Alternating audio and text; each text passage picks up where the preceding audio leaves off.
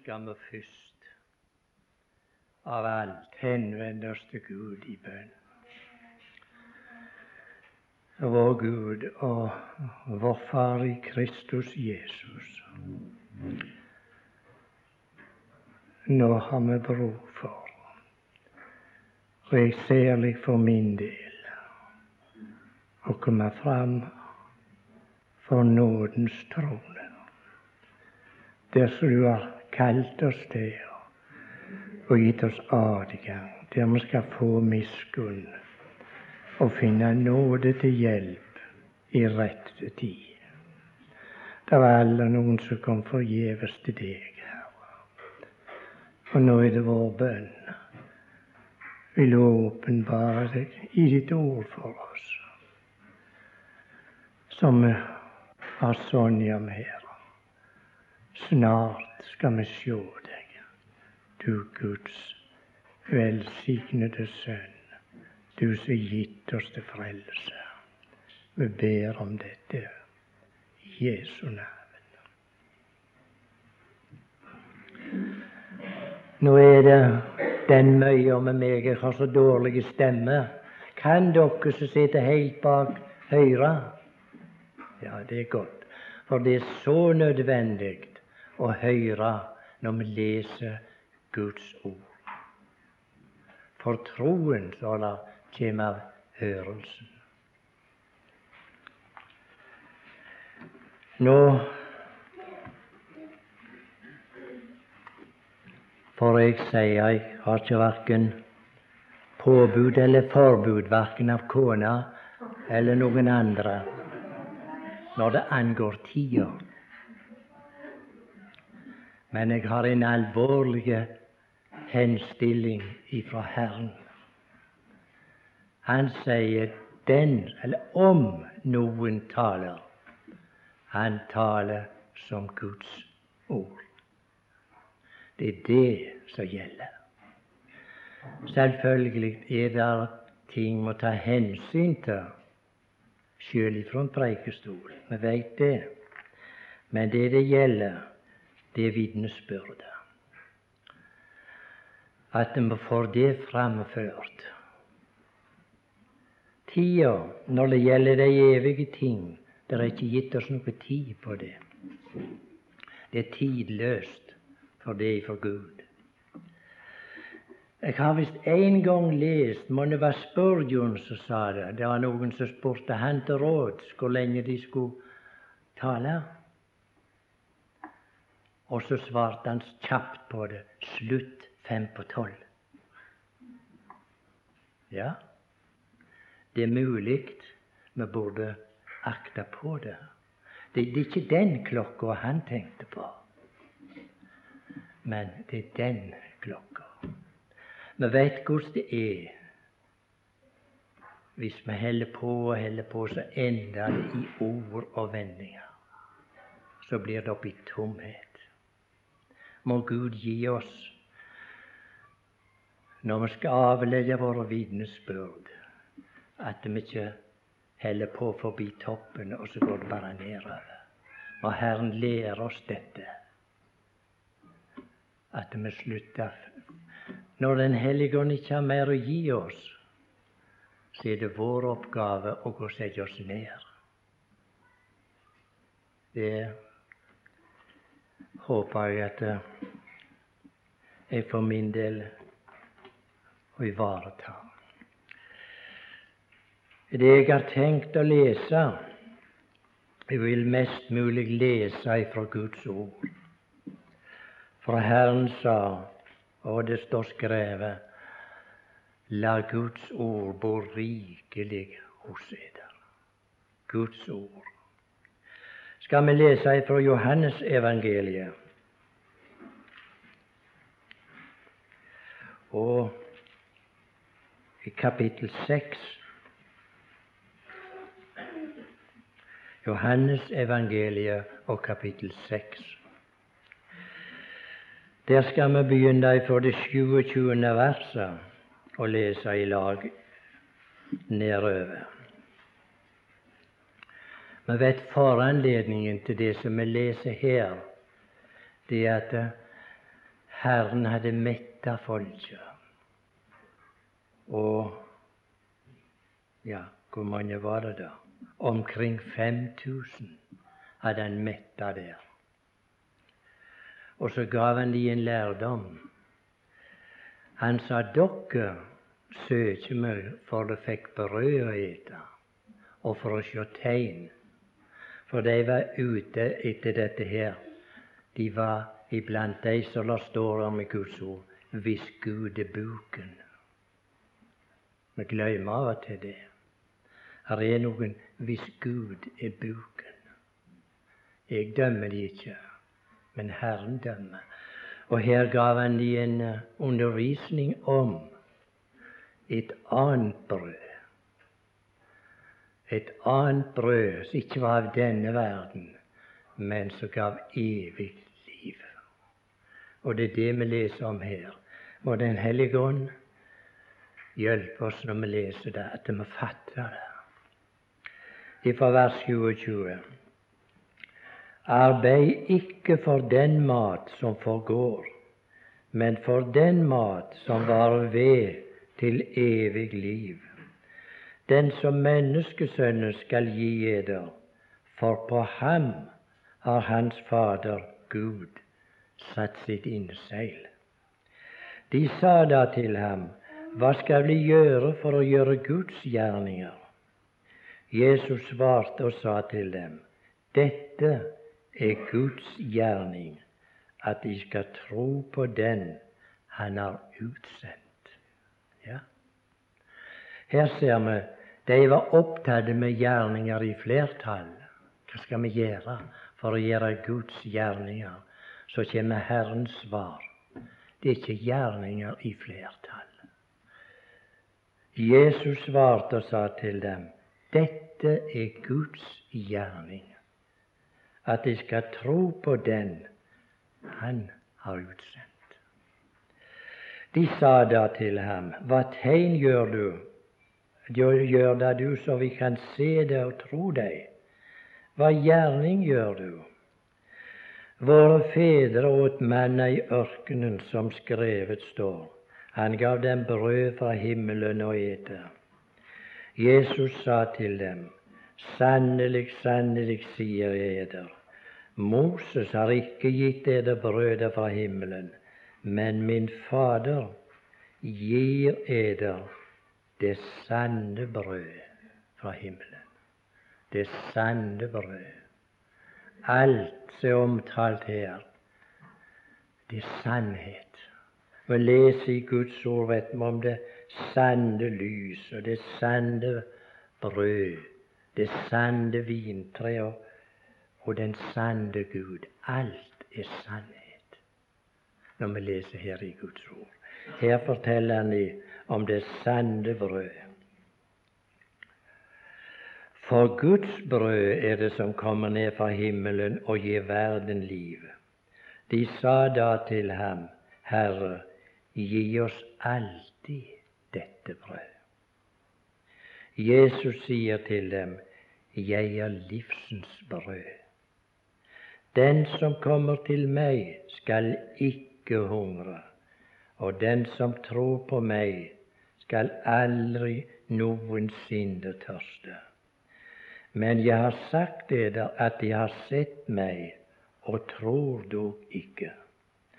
Alle de som Faderen gir meg, kommer til meg, og den som kommer til meg, vil jeg ingenlunde støte ut. For jeg er kommet ned fra himmelen, ikke for å gjøre min vilje, men for å gjøre Hans vilje, som har sendt meg. Og dette er Hans vilje som har sendt meg, at jeg ikke skal miste noe av alt det Han har gitt meg, men oppreise det på den ytterste dag. For dette er min Faders vilje, at hver den som ser Sønnen og tror på Ham, skal ha evig liv, og jeg skal oppreise ham på den ytterste dag. Da knurret jødene over ham fordi han sa, Jeg er det brød som er ned fra himmelen. Og de sa, er ikke dette Jesus, Josefs sønn, hvis far og mor vi kjenner? Hvorledes kan han nå si, jeg er kommet ned fra himmelen? Vantroen er ikke noe av dags dato. Den har alltid vært i verden, og den slår ut gang etter gang. Her sto han overfor vantroen, de som ikke trodde på dette brødet, så han skulle bli. Jesus svarte og sa til dem, knorr ikke eder imellom. Ingen kan komme til meg uten at Faderen som har sendt meg, drar ham og jeg skal oppreise ham på den ytterste dag. Vers 47. Sannelig, sannelig, sier jeg eder, den som tror, har evig liv. Jeg er livsens brød. Eders fedre åt manna i ørkenen og døde. Dette er det brød som kommer ned fra himmelen, for at en skal ete av det og ikke dø. Det er dette brødet. Jeg er det levende brød som er kommet ned fra himmelen. Om noen eter av dette brød, skal han leve evinnelig. Det er Guds ord. Skal vi ta med oss vers 58?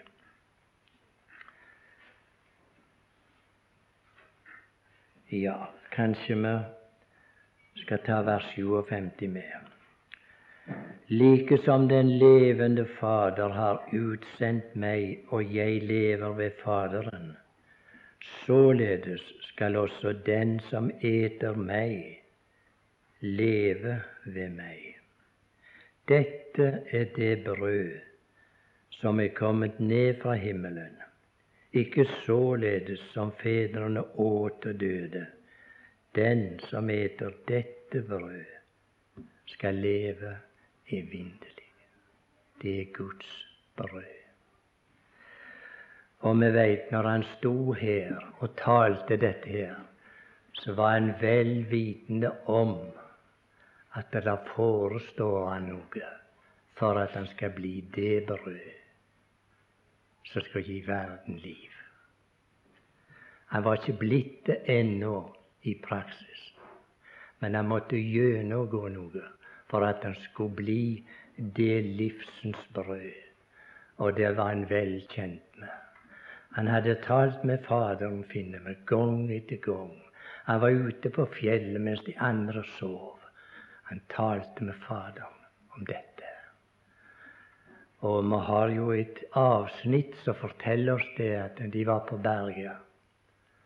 Disiplene, noen av de var med han, og de talte om det som skulle fullbyrdes i Jerusalem.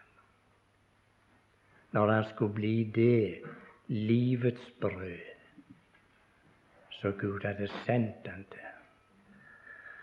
For han er det levende brød. Han er det levende vannet. Han er det levende håp. Ja, han er det levende trøst. Alt er liv ifra Han. Men det kom ifra en annen verden, ned til denne dødens verden, og hvor vi må prise Gud. Så hadde omsorg for å gi oss dette livets brød så at vi skulle leve og ikke dø. Og det er det brød vi samler om i dag, og har lyst å be Gud om at han må levende gjøre det for oss. Vi veit såpass at grunnlaget under et brød, det er korn. Men det korn det må ha en behandling for å bli brød. Herren sa det jo at Hvis hvetekornet ikke faller i jorden og dør, så blir det bare med det ene korn. Men hvis det dør, så bærer det megen frukt. Og vi ser her, vi skulle vel ikke være uvitende om det, at hvetekornet falt i jorden og døde. Det er det som er din og min redning. Men for at det skulle bli brød, så veit vi av den nærværende kan vi si, tilstand skal det bli brød, så må kornet knuses. Det må en knusingsprosess til. Nå vet ikke jeg om alle har stått og sett i kvern. Når vi var guttunger, så var det mange sånne småkvedner rundt omkring i fossene eller disse bekkene som renner på Karmøyna. Og jeg var jevnt med han far og så på dette her. Kornet kom rennende ned, og så måtte det inn i denne tunge kvernsteinen. Det har jevnt vært leksa for meg, dette. Når Gud skulle bake det brød for verden, så gikk Guds kvernsteiner, og du verden hvor tungt de gikk. Så knuste han hvetekornet. Har du stått inn i Getsemane i ånda og hørt når han gikk mellom Guds kvernsteiner? Å, hvor jeg gruer, sa han. Er det mulig, far, Ta det bort. Da skjer ikke min vilje, men din. Guds kvern, den stopper ikke. Den måtte gå. For han skulle bli det livets brød for oss. Ellers hadde du og jeg vært fortapte. Nå har jeg lyst vi skal vende oss til Guds ord, så vi kan få et et lite innblikk i det. Ja, ikke lite, vi får et stort innblikk i Guds ord, men er nå begrensa. Vi kommer tilbake til et vers i Hebreabrevet, og det er i Hebreerne 5. Og vers sju. Vi vet han som var Faderens avglans. Han var Guds sønn. Han var himmelens tronarving. Men han kunne ikke frelse oss ved det. Han måtte ut, og han måtte ned i denne verden. Johannes skriver om han. Ordet var ikke Gud, sa han, og ordet var Gud. Men Ordet tok bolig i kjøtt og bodde midt iblant oss. Og så ser vi beretningen i Johannes 1, som Johannes står der en dag. Så retter han ut armen. Se der, Guds lam. Det var mange lam, og du verden alle lam som hadde gitt livet sitt som et forbilde, men det var lam på fire bein. Her kommer Guds lam på to bein inn i denne verden som et menneske for å bli ofra, for å bli det brød som du og jeg skal leve av. Og apostelen sier om han han kom full av nåde og sannhet. Det er det lam vi leser om her i Hebreabrevet. Jeg skal lese ett vers der før vi leser noe mer. Hebreerne 7, 5, 7.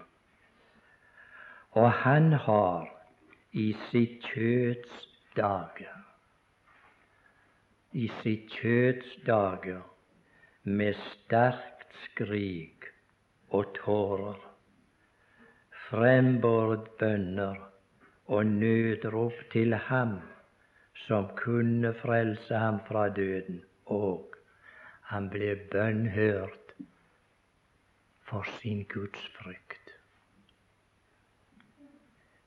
Er det ikke merkelig?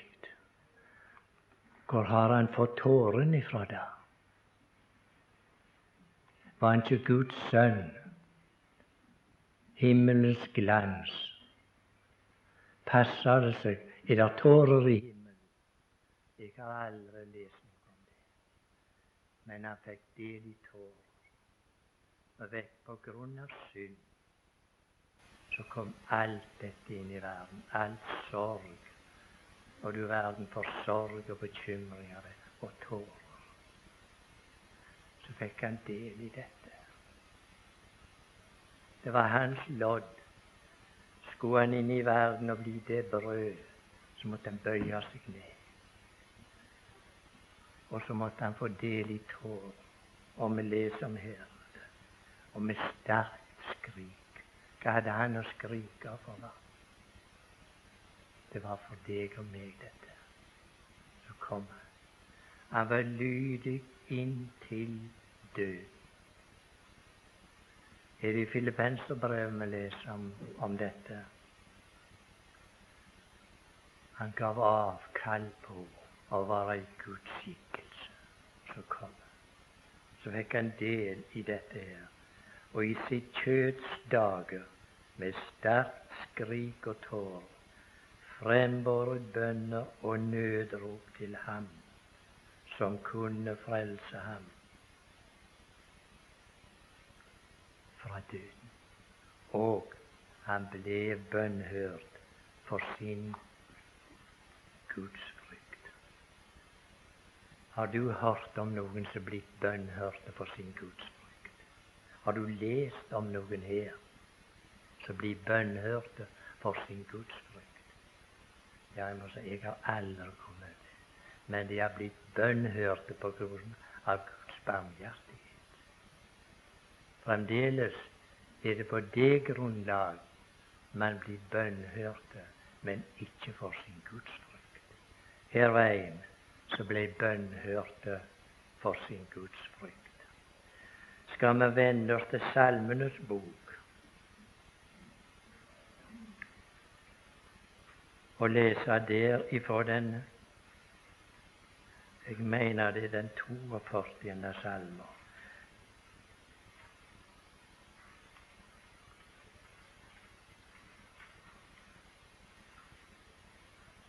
Ja.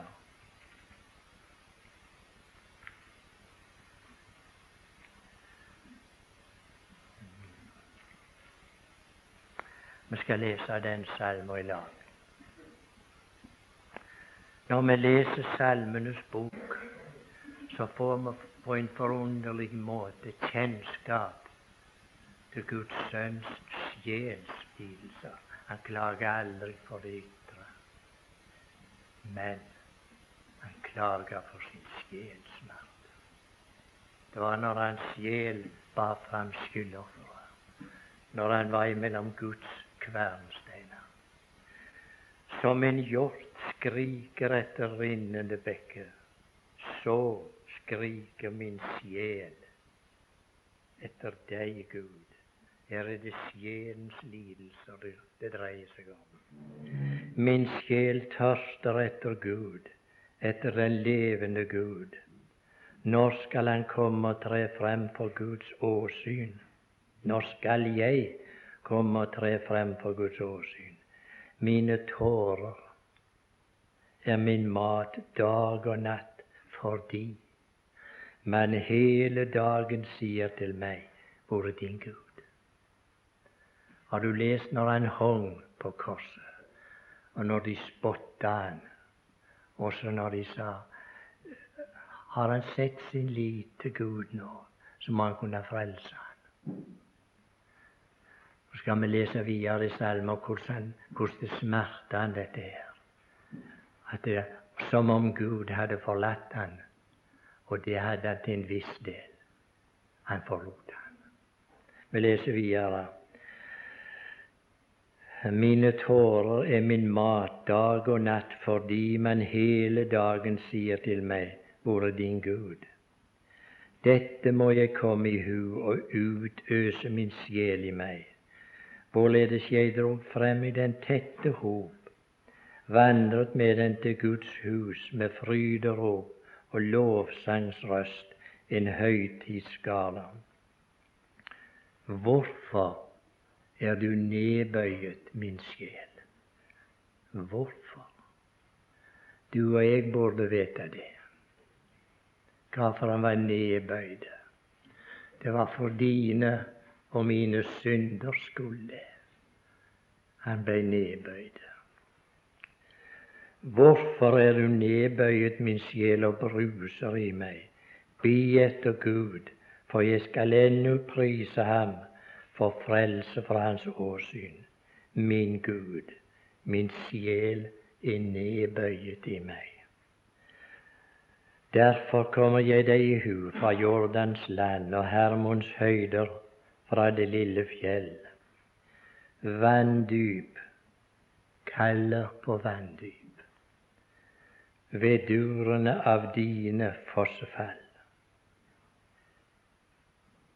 Alle dine brenninger og dine bølger går over meg.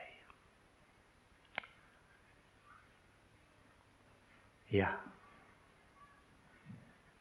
det var hans erfaring når han skulle inn mellom Guds kvernsteiner og knuses for å bli det brød som skulle bli de og mi evige lukka.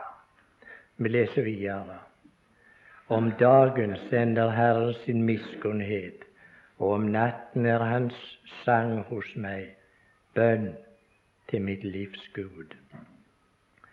Jeg må si til Gud, min klippe, hvorfor har du glemt meg?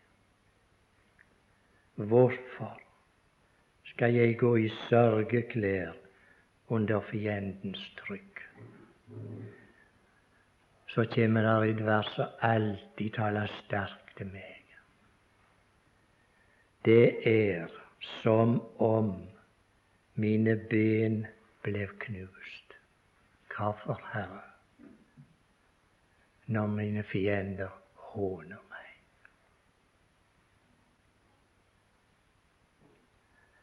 I det de hele dagen sier til meg hvor er nå din Gud? Nå har han latt deg i stikken. Hva nå nå kommet av?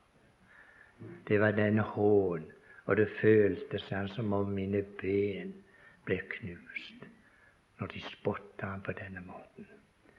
Hvorfor er du nedbøyet, min sjel, og hvorfor bruser du i meg? Be etter Gud, for jeg skal ennå prise ham mitt åsyns frelse og min Gud. Vi har vel alle hørt det sitert så jevnt, det ordet der.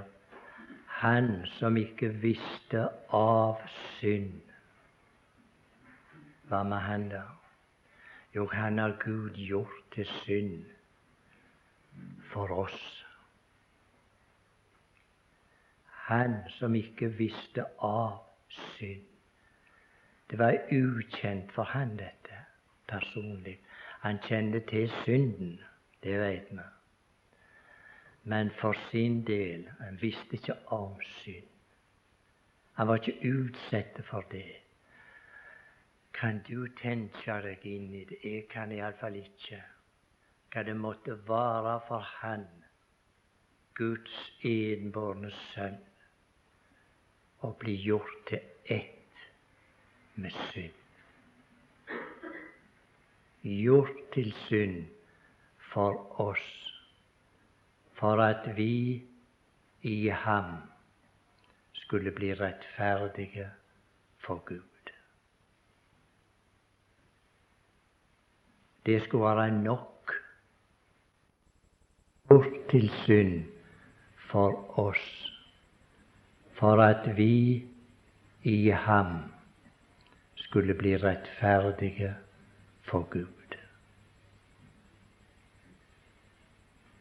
Det skulle være nok for oss om vi ikke visste mer. Han som ikke visste av synd, har Gud gjort til synd for oss, for at vi i ham skulle være rettferdige for Gud. Og nei, hvor det sømmer seg tilbedelse. Takk. Og det sømmer seg for oss å leve for Han, Han som så syn på å dø for oss.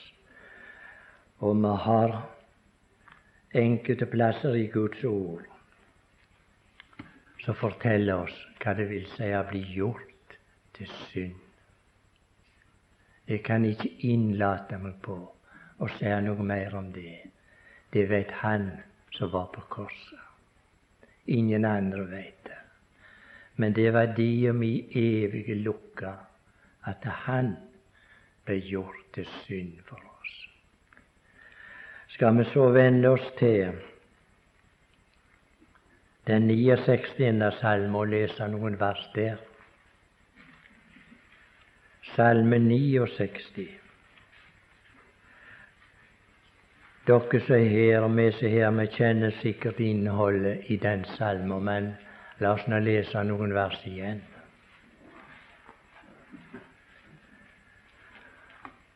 Og vi veit det, det er ikke gjort bare med å knuse kornet for å få brød. Det skal inn i bakovnen. Skal det bli brød, så må det en bakeprosess til. Her hører vi han tale ifra bakovnen. Gud gi at det må gås til hjertet. Vi leser noen vers her fra Salme 69. Her finner vi en innestengte mann som ikke kom ut. Han var dømt til å være der. Han var gjort til synd og måtte ta følgen av det. For det var ikke noe avslag og noe godtkjøp her. Guds rettferdighet måtte skje fyllest. Ingen vei utenom.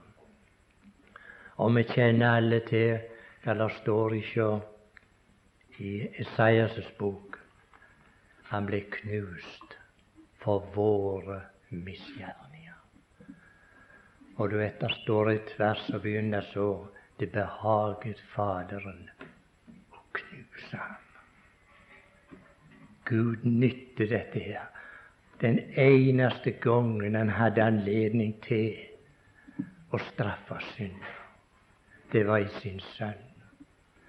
Men så knuste han og det er meg fortalt at hvis de skal nyte duften av en kostbar urt, så har den. Gud ville kjenne den behagelige duft av Han som kunne knuses for synder. Vi veit der står det han han opplot ikke sin munn lik et lam som føres frem for å slaktes, og så tier han som et får for de som klipper det. Hva tror du hadde hendt hvis han hadde opplotet sin munn der? Du og jeg hadde vært fortapt. Han spilte din og min rolle der, denne velsigna Guds sønn. For Gud hadde sagt hadde stoppet munn på all kjøtt. Må bare ta dommen. Men her var en som tok dommen i din og min plass, og han ble knust for våre misgjerninger. Godt folk, synd en mye alvorligere ting enn du og jeg forstår var en rettferdig Gud. Han er fortærende ild imot synd og ugudelighet. Og det var han som nå går til handling i sin sønn for å ta synden bort ved hans offer. Vel synden i verden i dag. Ikke det her å tale om. Men der kommer òg en dag når syndens opphavsmann, Gud, skal ta han i nakken. Så der skal du være, i den evige ild. Så legger han låg på, og så er fred. Nye himmel og en ny jord. Men det er noe som fremdeles bedrøver våre hjerter det er de som ikke har tatt imot dette livets brød. Så må de dele lodd med Han som vil kaste der. Ja, vi har noen som vi bønn for. Må Gud gi oss nåde til å be inderlig for dem før den dag kommer. Vi leser fra Salme 69 noen vers der. Frels meg, Gud, for vannene er kommet inn til sjelen. Jeg er sunket ned i bunnløst dynn, hvor der intet fotfeste er. Kan du tenke deg komme i en sånn situasjon, bare med det vi kan evne å tenke. Du kommer ut på Evja, og så er det ikke råd. Det er ikke noe å stå på. Så sykker du og sykker. Jeg er kommet, jeg er sunket ned i bunnløst dynn, hvor der intet fotfeste er. Jeg er kommet, og strømmen slår over meg. Jeg har ropt meg trett, min strupe brenner. Mine øyne er bortært i det jeg venter på min Gud. Flere enn hårene på mitt hode er de som hater meg uten årsak. Tallrike er de som vil forderve meg, mine fiender uten grunn. Det jeg ikke har røvet, skal jeg nu gi tilbake. Gud, du kjenner min dårskap, og all min syndeskyld er ikke skjult for deg. Hvor hadde han fått dårskap ifra? Hvor hadde han fått syndeskyld ifra det? Jo, det var dine, og det var mine synder.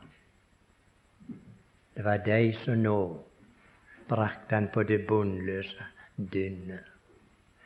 Jeg leser av og til i en eldre bibel. Der står når det gjelder dynn,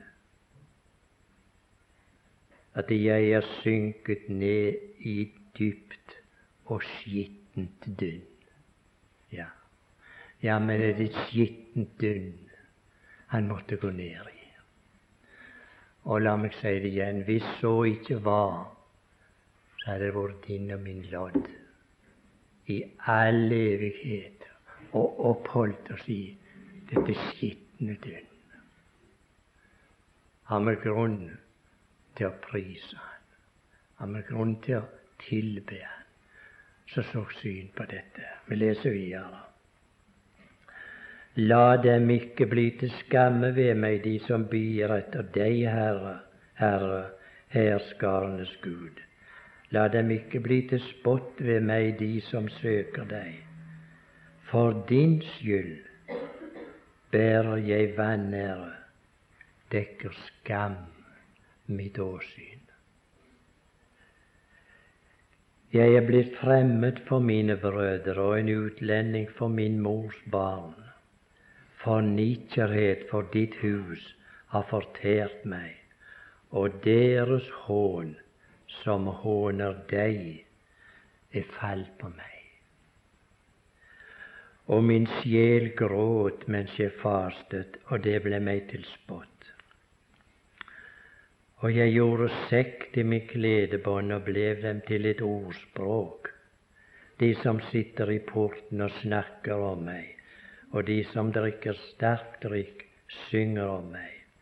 Men jeg kommer med min bønn til deg, Herre, i nådens tid. Gud, for din megen miskunnhet, svar meg med din frelsende hånd, med din frelsende trofasthet.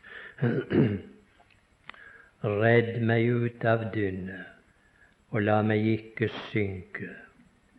La meg bli reddet fra dem som hater meg, og fra de dype vann.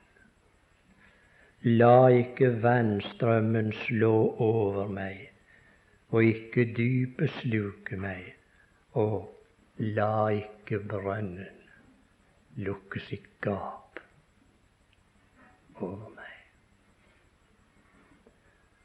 ja, hans sjels lidelser, det han måtte utstå.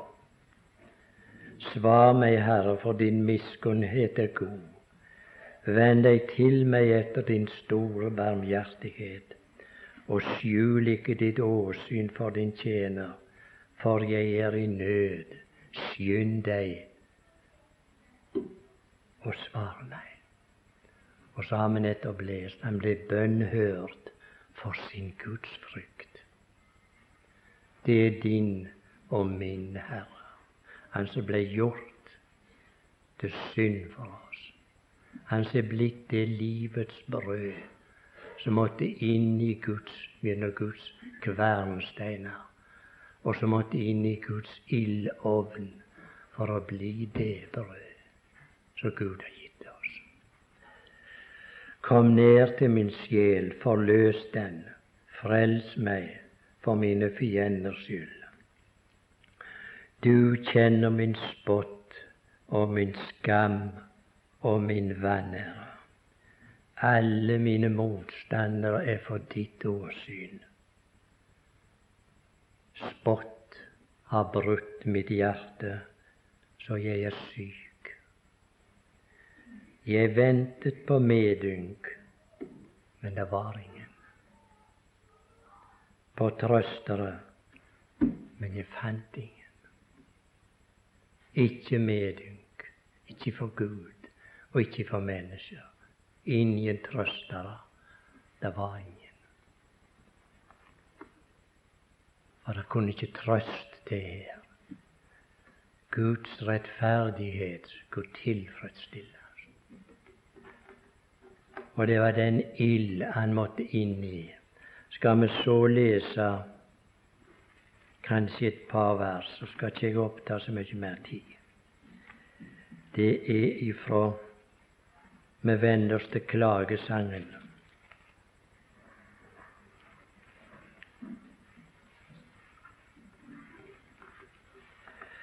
Kanskje vi skal lese noen vers ifra det tredje kapittelet i klagesangen.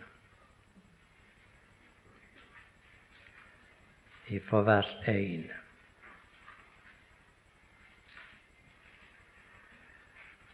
Jeg er den mann som har sett elendighet under hans vredes ris. Det er jeg den mann, sier Herren. Meg har han ledet og ført i mørket og ikke i lys. Bare mot meg vender han atter og atter sin hånd den hele dag. Han lot mitt kjøtt og mitt hud fortæres, han knuste mine ben. Skal ta med et vers lenger nede, kanskje, vers 7. Han murte igjen for meg så jeg ikke kunne komme ut. Murt igjen. Kom ikke ut. Hvorfor? Han skulle betale.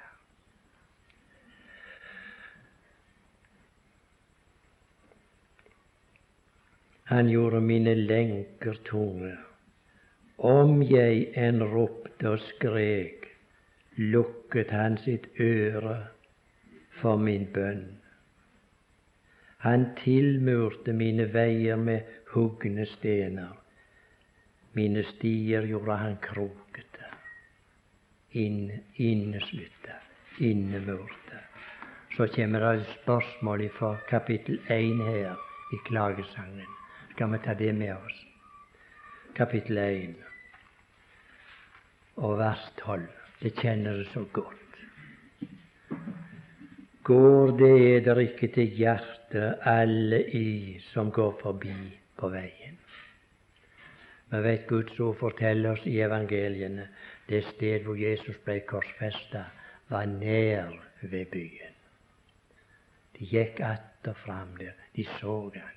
Det var ikke noe som var gjort i en avkrok, men nær ved byen, i alles påsyn. Går det der ikke til hjertet, alle i som går forbi på veien?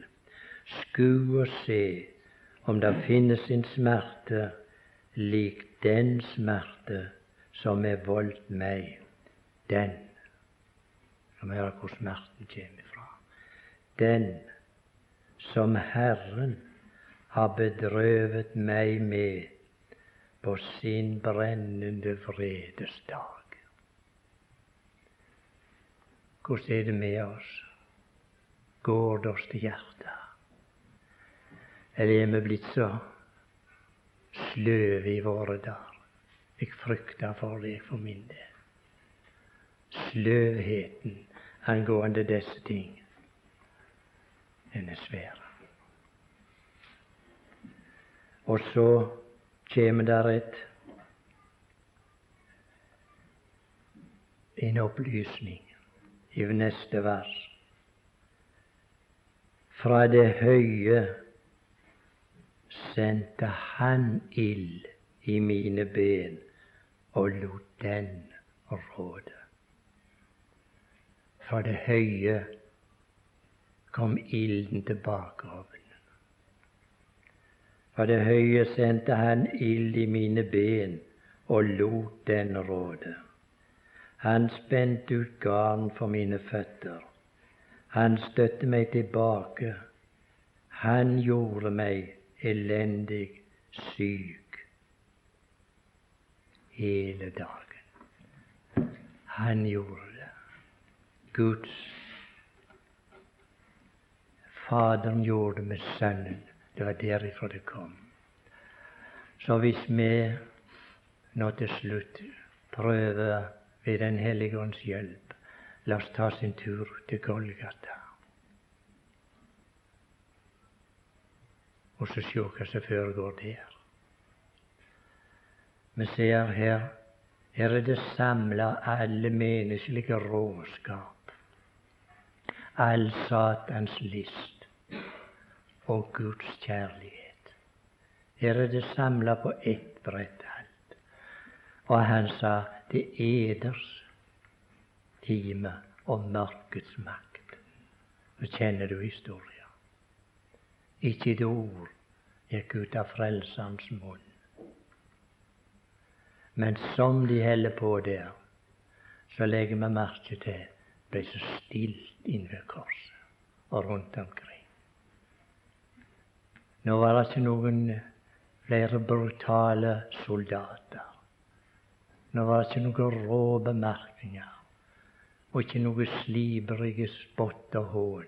Det ble stilt, og så ble det mørkt.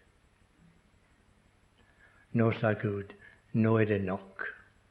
Nå har det gjort deres. Nå skal jeg gjøre mitt. Og så står det Han slo ham. Og har du betrakta han etter de tre timene på korset? Han så ikke ut som et menneske. står Nå var han inne i Guds bakeovn. Men nå var brød ferdig. Nå brød ferdig. Har du lagt merke til der står det i salma Og håper jeg skal finne det. Det, det skal være det siste jeg leser. Kom på det akkurat nå.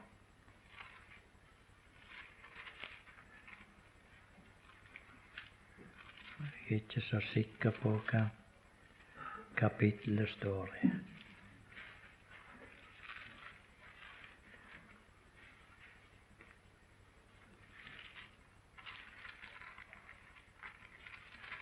Ja, ja, står det ikke noe som så at nåde og sannhet skal møte hverandre?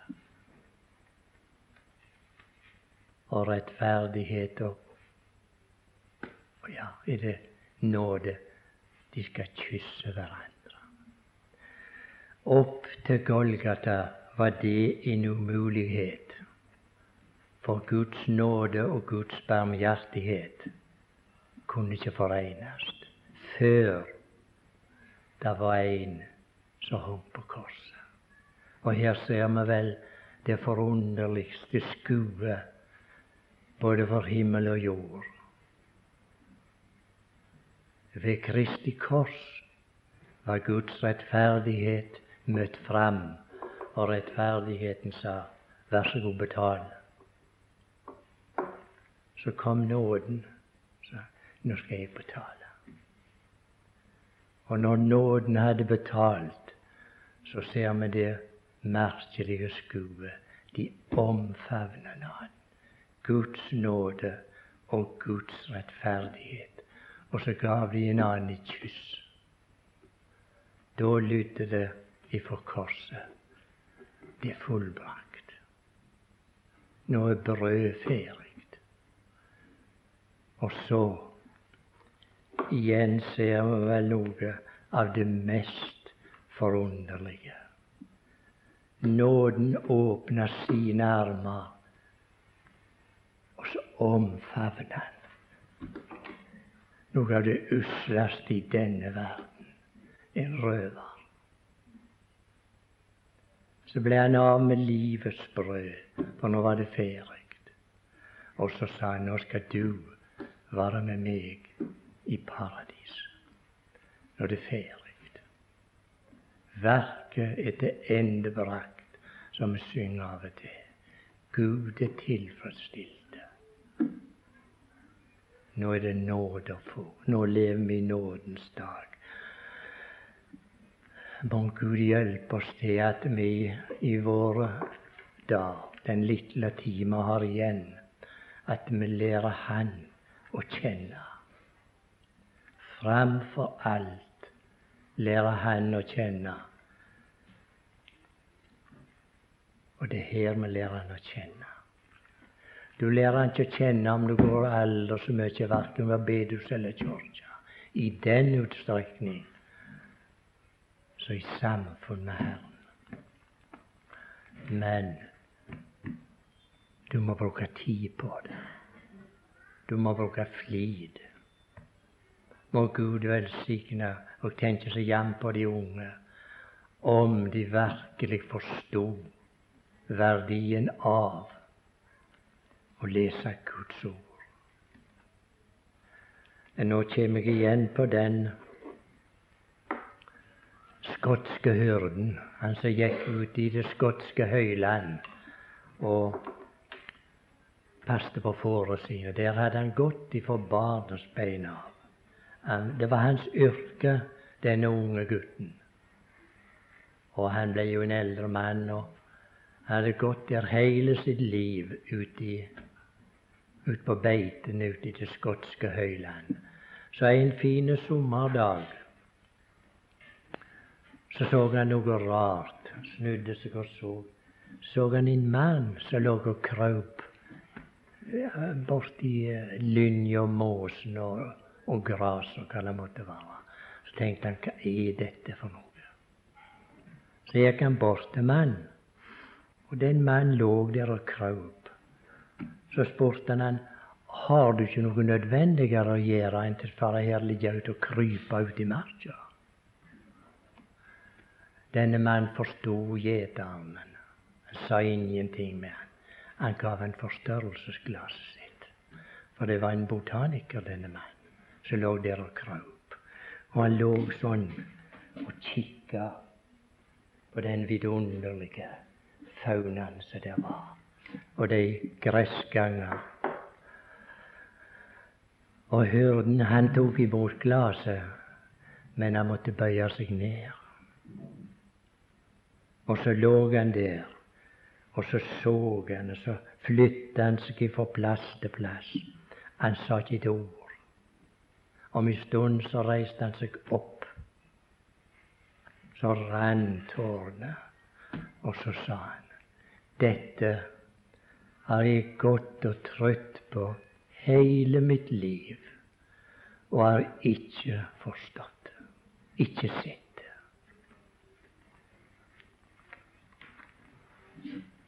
Har du sett det? Har du tatt deg en tur på de evige vidder, og Den hellige ånd han står ferdig å gi deg forstørrelsesglasset? Men du må bøye deg ned.